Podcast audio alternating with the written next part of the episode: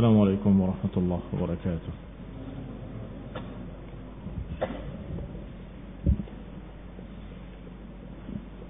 إن الحمد لله نحمده ونستعينه ونستغفره ونعوذ بالله من شرور أنفسنا ومن سيئات أعمالنا من يهده الله فلا مضل له ومن يضلل فلا هادي له وأشهد أن لا إله إلا الله وحده لا شريك له وأشهد أن محمدا عبده ورسوله صلى الله عليه وعلى آله وأصحابه والتابعين وتابع التابعين ومن تبعهم بإحسان إلى يوم الدين يا أيها الذين آمنوا اتقوا الله حق تقاته ولا تموتن إلا وأنتم مسلمون. يا أيها الناس اتقوا ربكم الذي خلقكم من نفس واحدة وخلق منها زوجها وبث منهما رجالا كثيرا ونساء واتقوا الله الذي تساءلون به والأرحام إن الله كان عليكم رقيبا. يا أيها الذين آمنوا اتقوا الله وقولوا قولا سديدا. يصلح لكم أعمالكم ويغفر لكم ذنوبكم. ومن يطع الله ورسوله فقد فاز فوزا عظيما. أما بعد فإن خير الحديث كتاب الله وخير الهدي هدي محمد صلى الله عليه وعلى آله وسلم وشر الأمور محدثاتها فإن كل محدثة بدعة وكل بدعة ضلالة وكل ضلالة في النار. إخواني في الدين أعزكم الله كمسلمين سهرمتي Masih kita membaca tafsir Syekh Abdurrahman As-Sa'di wa huwa Taisir Karim Ar-Rahman fi tafsir Kalamil Mannan. Dan masih pada surat Al-Baqarah atau di awal surat Al-Baqarah yaitu qauluhu ta'ala wa yuqimuna as-salah razaqnahum yunfiqun Kalimat yuqimuna as-salah. Berkata Syekh As-Sa'di rahimahullah qala lam yaqul yaf'aluna as-salah. Allah tidak menyatakan dalam ayat ini yaf'aluna as-salah. Tetapi mengatakan yuqimuna as-salah. Apa bedanya? Kalau yaf'aluna as-salah mengerjakan salat. Tapi kalau yuqimuna dari kata iqamah maknanya menegakkan salat. Dan tentunya ada perbedaan besar. Al-Quran ini kalamullah. Ucapan Allah subhanahu wa ta'ala. Dan lafad-lafadnya, kalimat-kalimatnya dari Allah subhanahu wa ta'ala. Yang disifati dengan sifat وَتَمَّتْ كَلِمَةُ رَبِّكَ صِدْقًا وَعَدْلًا وَتَمَّتْ كَلِمَةُ رَبِّكَ yakni sangat sempurna dan telah sempurna kalimat Rabbmu. Sidqan wa adla. Sidqan fi akhbarih wa adlan fi ahkamih. Bahwa Al-Quran ini sudah disempurnakan oleh Allah Ta'ala dan kalimat-kalimatnya sempurna. Sempurna. Berita-beritanya jujur sidqan pasti benar berita-beritanya. Dan hukum-hukumnya pasti adil sidqan fi akhbari wa adlan fi ahkami adil hukum-hukumnya sehingga jangan kalian kira bahwa ini kebetulan pakainya yuqimuna. Bukan. Memang sengaja. Biqada'illahi wa qadarih tidak menyatakan yaf'alun tapi mengatakan yuqimun. Bukan hanya mengerjakan tetapi menegakkan salat. Kata Syekh Rahman Sa'id rahimahullah qala lam yaqul yaf'aluna as-salah aw ya'tuna bis-salah Tidak pula Allah menyatakan mengerjakan salat, tidak pula Allah menyatakan mendatangkan salat atau mewujudkan salat. Li'annahu la yakfi karena itu tidak cukup. Ini mudah-mudahan masih ingat sedang membahas tentang sifat-sifat para muttaqin. Siapa al-muttaqin? Alladzina yu'minuna bil ghaib. Orang-orang yang beriman kepada yang gaib. Kepada Allah Subhanahu wa taala dan sifat-sifatnya itu gaib dan kepada semua yang dikhabarkan oleh Allah tentang hari akhir, itu semua gaib dan semua berita-berita dalam Quran dan Sunnah. Kemudian sifat berikutnya dari sifat muttaqin adalah yuqimuna salah. Bukan mengerjakan salat saja, bukan mendatangkan salat saja, bukan mewujudkan salat saja. Li'annahu la yakfi fiha mujarradul ityan bi suratiha karena tidak cukup kalau hanya mewujudkan salat secara bentuknya saja. Dari mulai takbir sampai salam, yakni surah al-zahirah bentuk zahirnya saja nggak cukup fa iqamatus salah maka makna iqamatus salah iqamatuha zahiran biitmami arkaniha wa wajibatiha wa syurutiha wa iqamatiha batinan biiqamati ruhiha wa huwa hudurul qalbi fiha Kata Syekh Sa'di rahimahullah bahwa yang dimaksud dengan iqamah menegakkan salat adalah menegakkannya secara zahir dan batin. Zahirnya ditegakkan dengan mewujudkan semua rukun-rukunnya. Salat ada rukun-rukunnya. Tanpa rukun salat maka tidak sah salatnya. Dan juga wajibatus salah, kewajiban-kewajibannya yang ada dalam salat. Wa syurutuha dan juga mengerjakan syarat-syarat salat. Berarti tegakkan salat secara zahir, maknanya tegakkanlah secara rukun-rukunnya, kerjakanlah kewajiban-kewajibannya, lengkapilah syarat-syaratnya. Itu semua menegakkan salat secara zahir. Wa iqamatiha batinan dan juga menegakkannya secara batin. Bagaimana menegakkannya secara batin? Artinya hendaklah dia menegakkan rohnya salat. Rohnya salat adalah hadirnya jiwa, sadarnya diri kita bahwa kita sedang salat. Keikhlasan di dalamnya. Hudurul qalbi fiha. Hadirnya hati dalam salat. Jangan seperti mereka-mereka yang dohirnya salat, tapi hatinya ke mana-mana.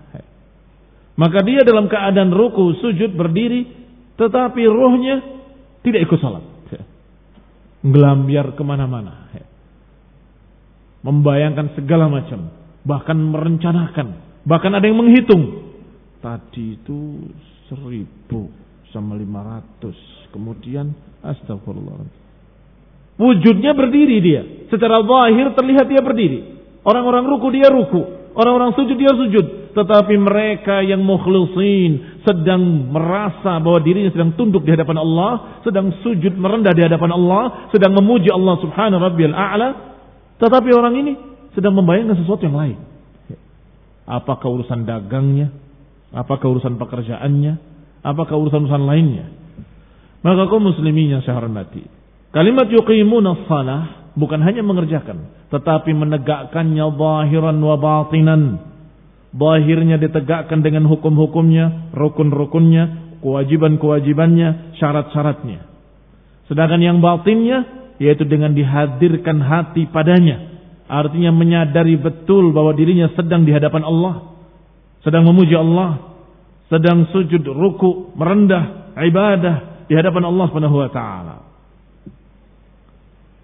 Wa tadabbur, atau tadabbur ma yaquluhu dan juga bertadabbur memahami apa yang dibacanya. La taqrabus wa antum sukara. Jangan kalian dekati salat dalam keadaan kalian mabuk. Apa lanjutan ayatnya? Hingga kalian mengetahui apa yang kalian ucapkan. Hingga kalian mengetahui apa yang kalian ucapkan. Baik. Sekarang ada orang yang nggak mabuk, Tapi nggak paham apa yang diucapkan. Bagaimana salatnya? Dia salat membaca ini membaca itu tapi nggak paham apa itu kalimat itu. Apa maksudnya? Maka dia tidak ada ruh. Tidak menyadari kalau dirinya sedang meminta ketika mengatakan ihdinas siratal mustaqim. Tidak merasa kalau dirinya sedang berdoa ketika menyatakan Allah maghfirni warhamni wajburni warfa'ni wahdini wa'afini warzuqni. Enggak merasa kalau dia sedang meminta. Dan tidak sadar kalau dirinya sedang merendahkan dirinya di hadapan Allah dengan kalimat subhana rabbiyal a'la. Maha suci engkau ya Allah yang maha tinggi. Karena aku rendah. Di bawah engkau yang maha tinggi. Maka ditempelkan jidatnya. Di lantai. Di bumi. Untuk menunjukkan betapa rendahnya kita di hadapan Allah Ta'ala. Tetapi mereka-mereka yang tidak memahami apa yang dibacanya maka kurang menegakkan rohnya. Qala dikatakan oleh Syekh Sa'd rahimahullah Fahadis salah hiya lati qala Allah fiha inna salata tanha 'anil fahsya'i wal munkar maka salat seperti inilah yang dikatakan salat akan bisa mencegah perbuatan keji dan munkar. Allah katakan inna salata tanha anil fahsya'i wal munkar. Sesungguhnya salat akan mencegah dari perbuatan keji dan kemunkaran-kemunkaran. Beberapa kaum, beberapa manusia salat tetapi maksiat jalan terus. Habis salat melanjutkan kedolimannya. Habis salat dia kembali berbuat kemaksiatan yang tadi dia kerjakan sebelum sholat. Berarti nggak ngaruh sama sekali sholatnya. Tidak ada asarnya, nggak ada pengaruhnya, nggak ada sesuatu pun yang merubah dirinya. Padahal Allah katakan inna salata tanha anil fahsyai wal munkar. Padahal salat itu mencegah perbuatan keji dan munkar. Di mana yang salah? Kalau kita kena ayatnya tidak mungkin, mustahil. Ayat Allah tidak mungkin salah. Pasti benar bahwa salat akan mencegah perbuatan keji dan munkar. Berarti yang terjadi pada orang tadi yang salah adalah salatnya dia. Salat yang tidak mencegah perbuatan keji dan kemunkaran. Padahal hakikatnya salat kata Allah tanha anil fahsyai wal munkar. Kalau ada orang salatnya terus tapi maksiatnya terus, salatnya terus, kedolimannya terus, bahkan nggak berpengaruh pada dirinya sama sekali, berarti yang salah orangnya, yang salah salatnya, ada sesuatu yang kurang di dalamnya. Ada sesuatu yang kurang di dalamnya. Apa itu? Rohnya salat. Mau roh salat? Apa itu roh salat? Kekhusyuan. Itu dikatakan rohnya salat. Roh salat adalah kekhusyuan. Siapa yang tidak memiliki kekhusyuan, tidak khusyuk salatnya, berarti salatnya tidak memiliki ruh. Oh ini singa itu buas ganas, memangsa siapa yang dihadapinya, begini dan begitu. Kalau kamu lihat gambar singa atau patung singa, mana? Katanya enggak, katanya buas. Enggak apa-apa, saya pegang diam saja. Ya jelas, oh enggak ada rohnya. Singa tadi enggak ada rohnya. Mati. Demikian pula ketika kita menyatakan bahwa senjata api ini akan bisa membunuh musuh. Kamu tembak kan nggak membunuh musuh? Mana? Katanya nggak membunuh musuh. Emang ada pelurunya? Nggak kamu tembakkan. Ternyata nggak ada pelurunya. Apakah salah orang yang bilang tadi bahwa senjata ini bisa membunuh musuh? Tidak salah dia. Tapi yang salah apa yang kamu pakai tadi tanpa peluru. Ya jelas nggak akan bisa berpengaruh sama sekali. Demikian pula ikhwan bin as-salah bidunil khusyu'. Salat tanpa khusyuan. Maka nggak ada ruhnya. Nggak ada ruhnya. Apa yang digambarkan oleh Allah, inna salata tanha anil fahsya'i wal munkar, bahwa salat itu akan bisa mencegah kekejian dan kemunkaran, ketika salatnya nggak ada rohnya, ya nggak ngaruh. Tidak berpengaruh sama sekali.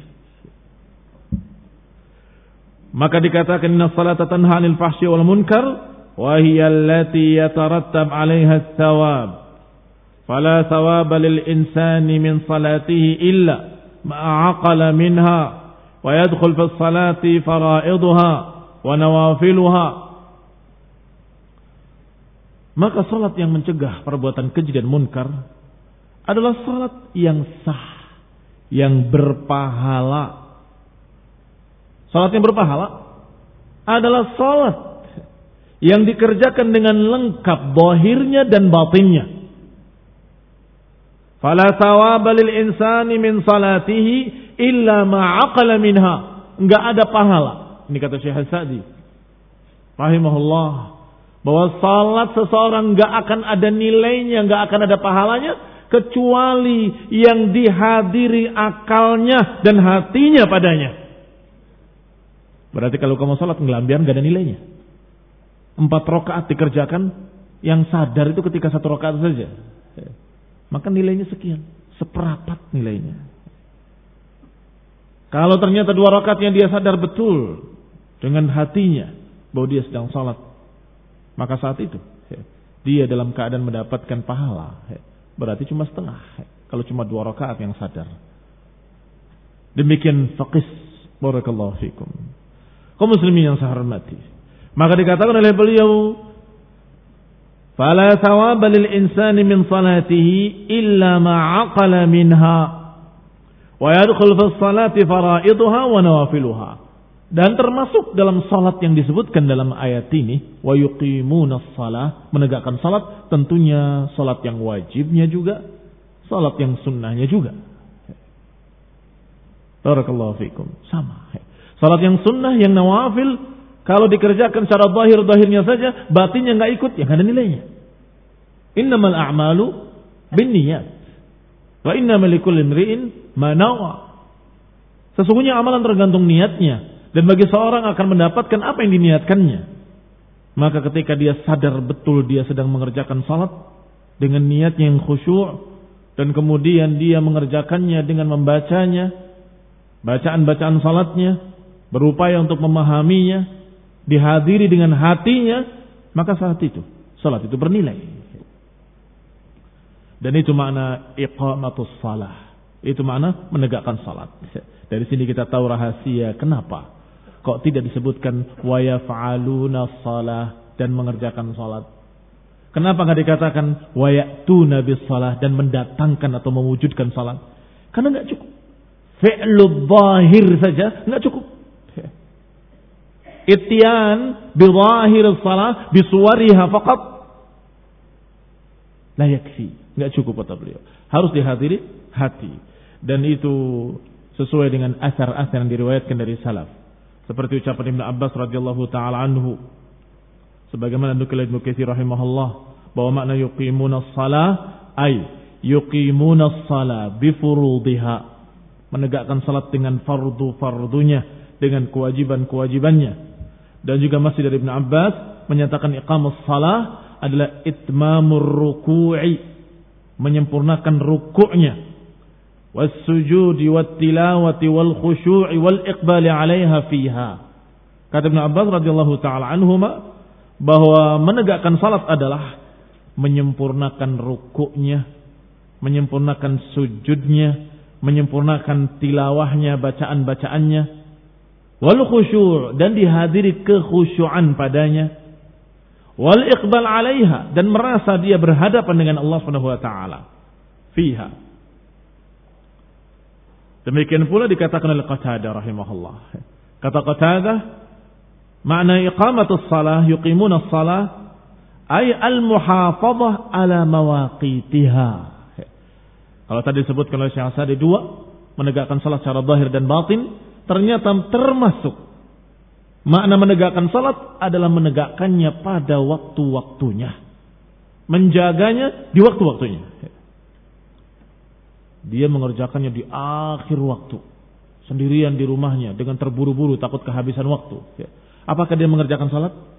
Mengerjakan salat. Tetapi kalau dikatakan apakah dia memelihara salatnya? Kurang memelihara salatnya. Ya. Karena menunda-nundanya. Karena menunda-nundanya dari waktu-waktunya. Maka dikatakan bahwa al-muhafadhah an mawaqitiha ini juga makna dari iqamatus salah. Kata Qatadah rahimahullah, iqamatus salah al-muhafazah ala mawaqitiha wa wudu'iha wa ruku'iha wa sujudiha. Bahwa menegakkan salat adalah menjaga waktu-waktunya dan tentunya amalan yang paling dicintai adalah as-salatu ala waktiha. Salat tepat pada waktu-waktunya. Wa wudu'iha dan menyempurnakan wudu'nya. Isbagul wudu' indal makarih. Dia juga termasuk menegakkan salat karena wudu termasuk kesempurnaan salat atau termasuk syarat sahnya salat bahkan. Kalau wudunya nggak becus, salatnya akan rusak. Maka siapa yang memelihara wudhunya dengan sempurna, berarti dia menjaga salatnya dan menegakkan salatnya. Demikian pula kata beliau wa ruku'iha wa sujudiha. Sama seperti ucapan Ibn Abbas, rukuknya juga, sujudnya juga. Jangan seperti dik, ayam yang memakan makanan dengan cepatnya. Karena tumak ninah termasuk rukun dari rukun-rukun salat. Tanpa tumak ninah tidak sah salat. Sebagaimana dalam hadis yang dikenal dengan al-musi' salatahu atau hadis al-jahil fi salatih yang salah dalam salatnya disebutkan oleh Rasulullah SAW berulang-ulang irji' fasalli fa innaka lam tusalli dia salat lagi kembali lagi kepada Nabi Nabi menyatakan irji' fasalli fa innaka lam tusalli kembali kamu salat lagi kamu belum salat Sampai yang ketiga kalinya orang tadi menyerah ya, ah, ya Rasulullah. La uhsin ghaira hada. Aku tidak tidak bagus atau tidak bisa mengerjakan yang lebih bagus dari ini. Maka minta diajari beliau kepada Rasulullah SAW. Kata Rasulullah SAW, kalau engkau mau salat maka sempurnakanlah wudhu. Kemudian berdirilah. Hatta tatma'inna qa'iman. Sampai engkau tumak ninah berdiri. Tummarka hatta tatma'inna raqi'an. Kemudian rukuklah sampai engkau tumak ninah ruku. Tummarfa kemudian bangkitlah sampai tumak ninah berdiri. Tumasjud dan selalu diiringi hatta tatma'inna hatta tatma'inna. Hingga tumak ninah, tumak ninah, tumak ninah. Maka kata para ulama ini menunjukkan bahwa tumak ninah itulah rukun min arkanis salah. Kalau dia tidak tumak ninah, Nabi melihat, niscaya Nabi akan berkata kepadanya, "Irji' fasalli fa innaka lam tusalli." Balik kamu, salat lagi. Kamu belum salat.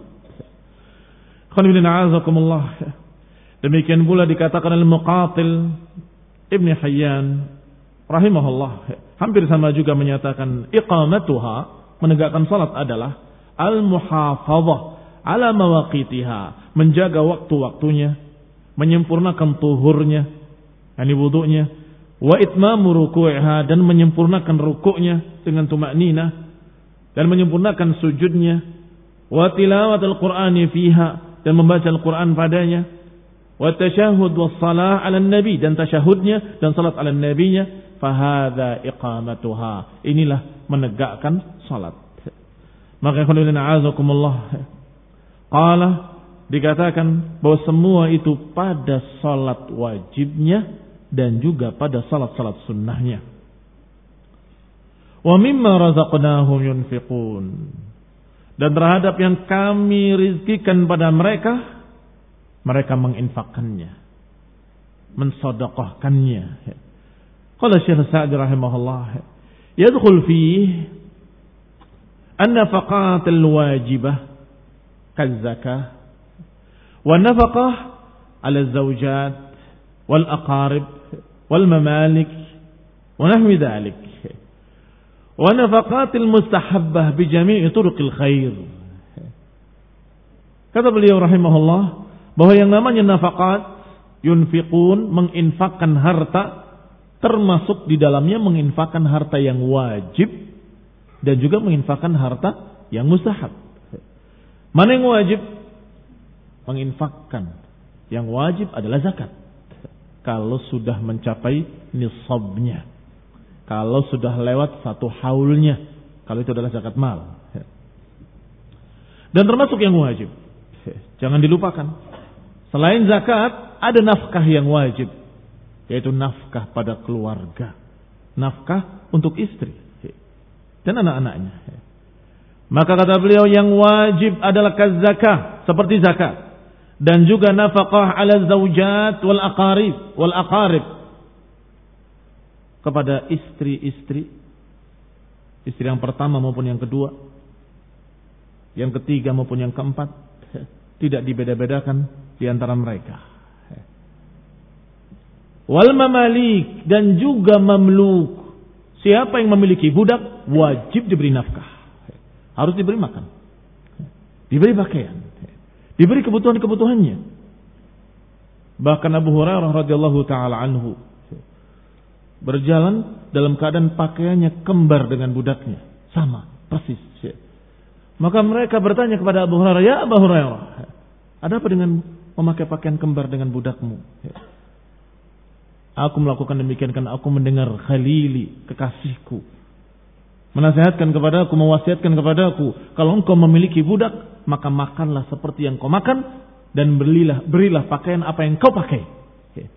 Maka aku berupaya untuk memberikan pakaian yang seperti aku. Persis. Demikian para sahabat. Orang yang selalu taat. Ada perintah, sami'na wa. Kembali kepada kitab. Qala rahimahullah, berkata Syekh Sa'di rahimahullah, maka kalimat wa mimma razaqnahum yunfiqun adalah sifat berikutnya dari sifat-sifat orang-orang yang muttaqin. Alladzina yu'minuna bil ghaib wa yuqimuna shalah wa mimma razaqnahum yunfiqun. Para muttaqin, orang-orang yang takwa adalah orang-orang yang di samping menegakkan salatnya dengan sempurna, zahiran wa batinan, juga mereka menafkahkan harta yang Allah berikan kepadanya rizki yang Allah berikan kepadanya, terutama yang wajib-wajib, yaitu zakah, zakatnya kalau sudah sampai nisab, sudah sampai haul, dan juga yang wajib adalah memberikan nafkah ala zaujat kepada para istri-istrinya, wal aqarib kerabat-kerabatnya yang di bawah tanggung jawabnya, wal mamalik dan mamluk, budak-budak miliknya, wa nahwi dan yang seperti itu dan juga termasuk di dalamnya an-nafaqatul mustahabbah. Termasuk di dalamnya adalah nafkah-nafkah yang mustahabbah.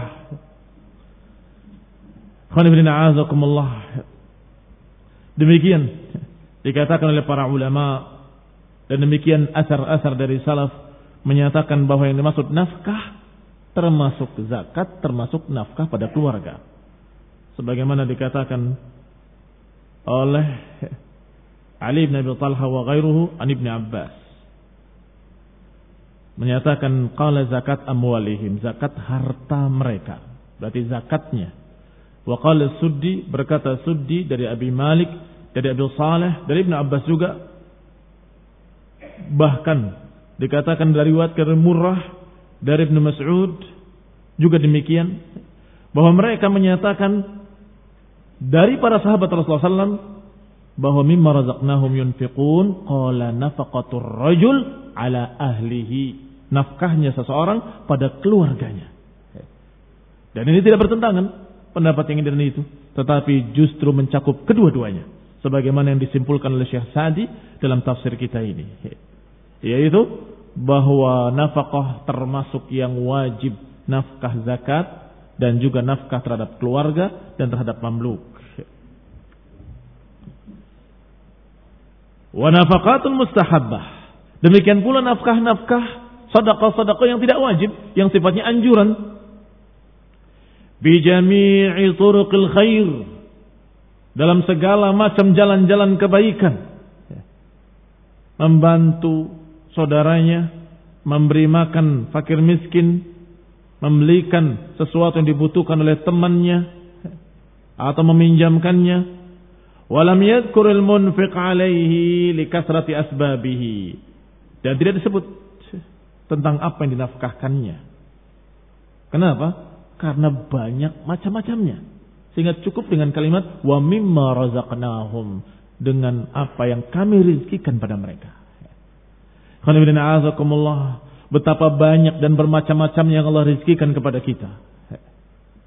Wa tatanawwa dan تطوع ahluhu ولأن النفقة من حيث min قربة إلى الله dan karena juga yang namanya nafkah adalah taqarrub, mendekatkan diri pada Allah Subhanahu wa taala ibadah.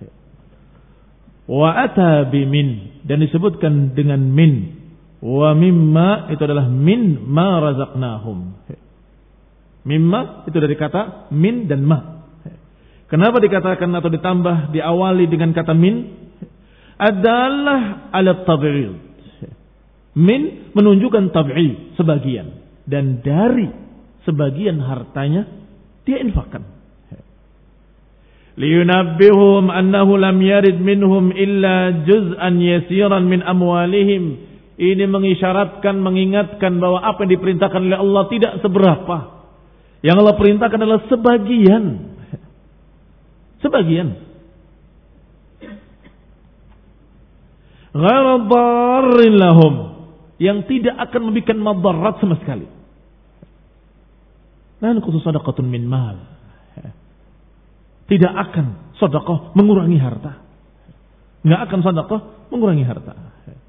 Pernah kita sampaikan ucapan yang sangat bagus yang diriwayatkan dari Nabi Shallallahu Alaihi Wasallam yang sangat sangat sangat betul-betul kita mendapatkan pelajaran yang sangat besar, sangat berharga. Ketika Aisyah disuruh memasak daging dan kemudian disuruh membagikannya pada fuqara masakin. Maka ketika Rasulullah SAW pergi, sampai kembali ke rumahnya, bertanya, bagaimana? Sudah dibagikan? Kata Aisyah, sudah ya Rasulullah. Ma baqiya illa hadha. Tidak tersisa kecuali ini. Lihat bahasa Arabnya. Ma baqiya illa hadha. Maka Nabi SAW membaliknya. Kullun yabqa illa hadha. Nabi membalik. Semuanya tersisa. Kecuali ini yang tidak tersisa. Karena ya kok dalam bahasa Arab bisa bermakna tersisa, bisa maknanya terus ada, nggak habis-habis. Ketika dikatakan tidak tersisa kecuali ini, kata Nabi semuanya tersisa, kecuali yang ini akan habis. Ini dimakan habis. Tetapi yang tadi dibagikan, yabqa ila yaumil qiyamah. Kullun yabqa illa yang Dan ini menunjukkan terbiah seorang suami Tarbiyah seorang pemimpin keluarga pada keluarganya. Bahwa jangan khawatir. Yang kamu bagikan tadi nggak habis. Ya kok akan kekal terus. Adapun yang kita makan habis. Dibuang selesai. Nggak ada nilai apa-apa. Tetapi yang dibagikan tadi itu yang yabqa, kullun yabqa. Ketika Aisyah mengatakan tidak tersisa, ya maksud beliau tidak tersisa maksudnya sudah habis dibagikan. Tidak tersisa kecuali ini. Ternyata dia jawab semuanya tersisa. Semuanya ya kok kecuali ini. Maka ata bimin didatangkan kalimat min untuk menunjukkan tab'id sebagian. Wa mimma razaqnahum yunfiqun ay min ma razaqnahum dari apa yang dirizkikan pada mereka ini sebagian dari apa yang dirizkikan pada mereka mereka infakkan sedikit ghairu tidak merugikan sama sekali wala mustaqil, wala musqil, tidak memberatkan sama sekali.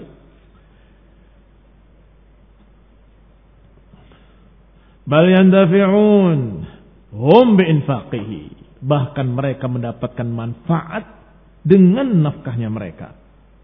Wa yantafi' bihi ikhwanuhum dan juga bermanfaat bagi saudara-saudaranya. Ketika kita menafahkan, membagikan, membantu sesama, mereka yang mendapatkan manfaat, kitanya juga mendapatkan manfaat. Ya. Wa fi qawli razaqnahum isyaratun ila anna hadhihi al-amwal allati baina aydikum laysat hasilah biquwwatikum. Kalimat dari apa yang kami rezekikan pada kalian ini isyarat dari Allah taala. Isyarat bahwa apa yang kalian dapatkan dari harta Jangan kalian menganggap bahwa itu hasil jerih payah kalian, kehebatan kalian, karena kepandaian berbisnis, karena karena karena bukan. Karena rizki yang Allah rizkikan pada kalian. Karena Allah beri. Kalau Allah nggak beri, sepandai apa pun engkau berbisnis nggak akan berhasil. Pasti akan gagal kalau Allah tidak kasih. Lihat. Diisyaratkan oleh Allah dengan kalimat yang ringkas. Wa mimma razaqnahum dan dari apa yang kami rizkikan pada mereka ini isyarat pada seluruh kaum muslimin bahwa apa yang kalian dapatkan, apa yang kalian miliki dari harta, semuanya rizki dari Allah. Syukurilah dengan berinfak, dengan bersedekah, dengan memberikan sebagiannya. Kepada apa yang digariskan oleh Allah dari sekian banyak jalan-jalan kebaikan. Jalan-jalan kebaikan. Qala rahimahullah Laysat hasilah biquwwatikum wal mulkikum bukan hasil dari kekuatan kalian, bukan dari milik-milik kalian, wa innama hiya rizqun. Rizqullah alladhi khawwanakum. Itu adalah rezeki Allah yang Allah berikan pada kalian. Wa an'ama bihi alaikum. Yang Allah berikan kenikmatannya atas kalian. Fakama an'ama alaikum wa faddalakum ala kathirin min ibadih. Dan sebagaimana Allah berikan kenikmatan pada kalian. Sebagaimana Allah tinggikan kalian. Allah lebihkan kalian di atas yang lain dari hamba-hambanya. Maka fashkuruhu. Maka bersyukurlah kepadanya biikhraji ba'dhi ma an'ama bihi dengan apa-apa yang Allah telah berikan kepadanya atas kalian. Wa wasau ikhwanakum al-mu'dimin dan memberikan atau mencukupi saudara-saudaranya yang mu'dimin yang tidak punya. Dalam masalah apa pun termasuk yang paling kecil-kecil di tengah kalian. Kalian memiliki pensil dua, temanmu nggak punya, berikan padanya. Ini saya punya satu. Itu nafkah. Sifat orang yang takwa. Demikian semakin besar lagi. Barangkali dia memiliki pena dua. Ternyata teman kamu kehilangan. Ambil punya saya. Demikian pula yang lebih dari itu, yang lebih dari itu, yang lebih dari itu. Bahwa itu adalah sifat seorang muttaqin. وكثيرا ما يجمع تعالى بين الصلاة والزكاة في القرآن dan seringkali Allah Subhanahu wa taala mengiringkan bersama-sama antara salat dengan zakat, salat dengan zakat, salat dengan zakat. Bukan hanya satu tempat, dua tempat, tiga tempat. Sekian banyak tempat dalam Al-Quran disebutkan salat dengan zakat beriringan. Lianna salata mutadamminatun lil ikhlas. Lil ma'bud.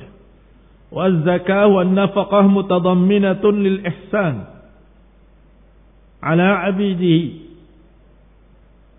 فعنوان سعادة العبد إخلاصه للمعبود وسعيه في نفق الخلق Kata beliau, kenapa diiringkan salat dengan zakat, salat dengan zakat? Karena dalam salat ada keikhlasan. Memurnikan ibadah hanya untuk Allah Subhanahu wa taala. Ini salat. Memurnikan ibadah pada Allah Subhanahu wa taala. Sedangkan zakat nafkah atau sedekah terkandung di dalamnya selain ibadah terkandung juga ihsan ilal ghair. Berbuat ihsan kepada manusia lain. Selalu diiringkan dua karena dua ibadah besar. Yang satu khusus hablum minallah, yang kedua di samping hablum minallah berkait dengan hablum minan nas.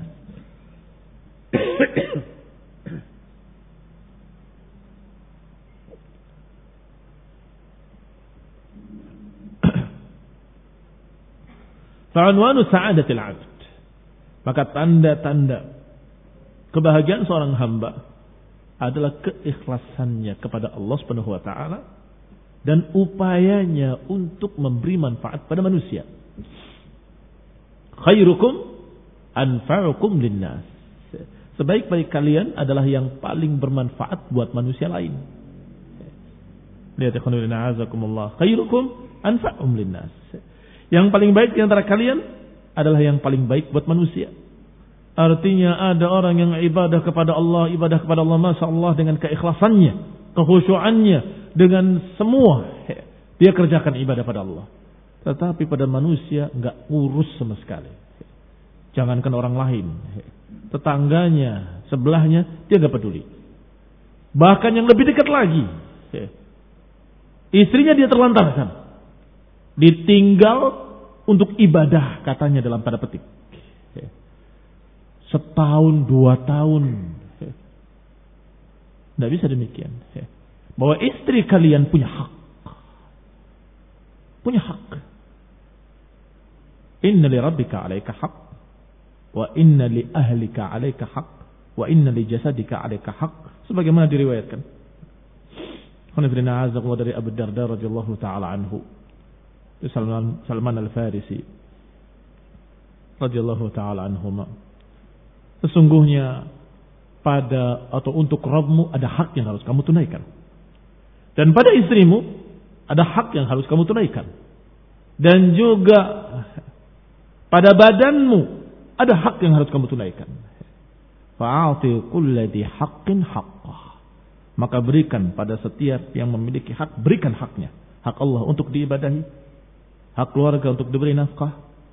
Dan hak dirimu untuk diberi makanan, pakaian yang cukup dan istirahat yang cukup. Karena artinya jangan diforsir. Jangan nyiksa diri. Tidak diajarkan dalam Quran untuk nyiksa diri. Sebagaimana kaum sufi yang menyiksa diri mereka dengan berbagai macam puasa-puasa bid'ah. 40 hari, 40 malam. Tidak demikian. Kembali pada kitab. Maka dikatakan oleh beliau, Dua ibadah tadi diiringkan karena yang satu hablum minallah, yang satu hablum minannas. Yang satu keikhlasan murni ibadah untuk Allah Ta'ala. Yang kedua upaya untuk memberikan kebaikan-kebaikan pada manusia karena Allah Subhanahu Wa Ta'ala.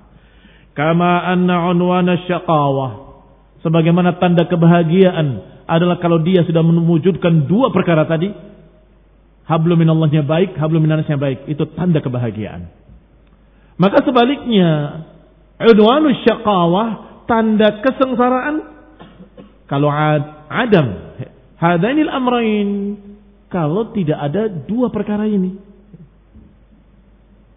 Tidak ada keikhlasan, atau tidak ada ihsan ilal ghair, atau tidak ada kedua-duanya. Maka itu adalah unwanu syaqawah, tanda-tanda kesengsaraan. Asyhadu an la ilaha illa anta astaghfiruka wa atubu ilaik. Wassalamualaikum warahmatullahi wabarakatuh.